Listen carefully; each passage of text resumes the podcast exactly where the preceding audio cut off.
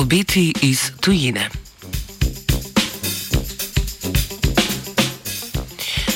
Dobro jutro vsem poslušalkam in poslušalcem, ki danes upamo, da od doma poslušate Radio Student. Če smo prejšnji teden še lahko oddaleč spremljali širjenje SARS koronavirusa 2, smo ta teden že postavljeni tako rekoč v središče dogajanja.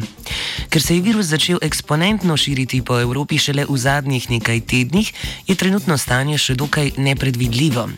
Na Kitajskem, kjer so beležili okužbe že od novembra lanskega leta, pa je preteklo že veliko več časa za soočanje z novo boleznijo.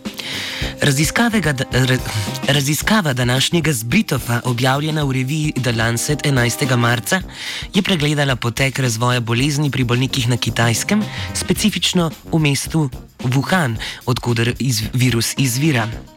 V raziskavo so bili vključeni bolniki, ki so bolezen dokončno preboleli ali pa zaradi nje umrli.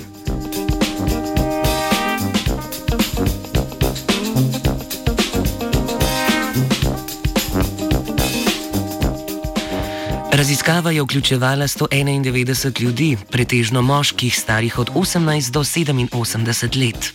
Približno polovica je poleg bolezni COVID-19 imela še dodatno oboljenje, največkrat diabetes ter zvišan krvni pritisk.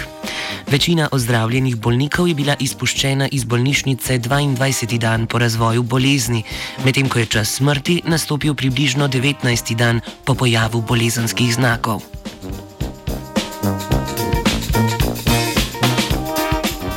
Pri pregledu kliničnih in biokemijskih testov so bili smrtnim izidom zlasti povezani visoka starost, prisotnost drugih obolenj ter motnje v delovanju organov, ocenjeno po točkovni lestvici SOFA.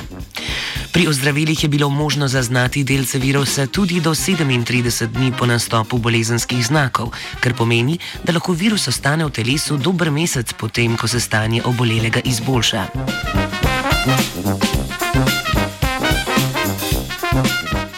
Ob okužbi s koronavirusom je večina bolnikov razvila značilne znake bolezni COVID.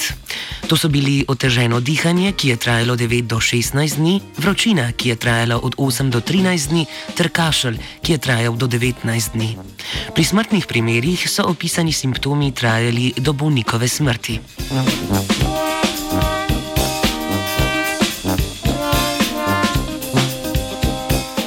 Raziskava ponuja enega prvih večjih pregledov razvoja bolezni COVID ter bolniških izvidov v daljšem časovnem okviru. Pregled vrednosti biokemijskih testov ter njihova povezava z bolnikovim izidom nudi koristne informacije za zgodnjo prepoznavo ogroženih oseb. Prav tako je pomembna informacija o času prisotnosti virusa v bolnikih, ki bo najverjetneje narekovala potrebno dobo karantene osebe po okužbi z virusom.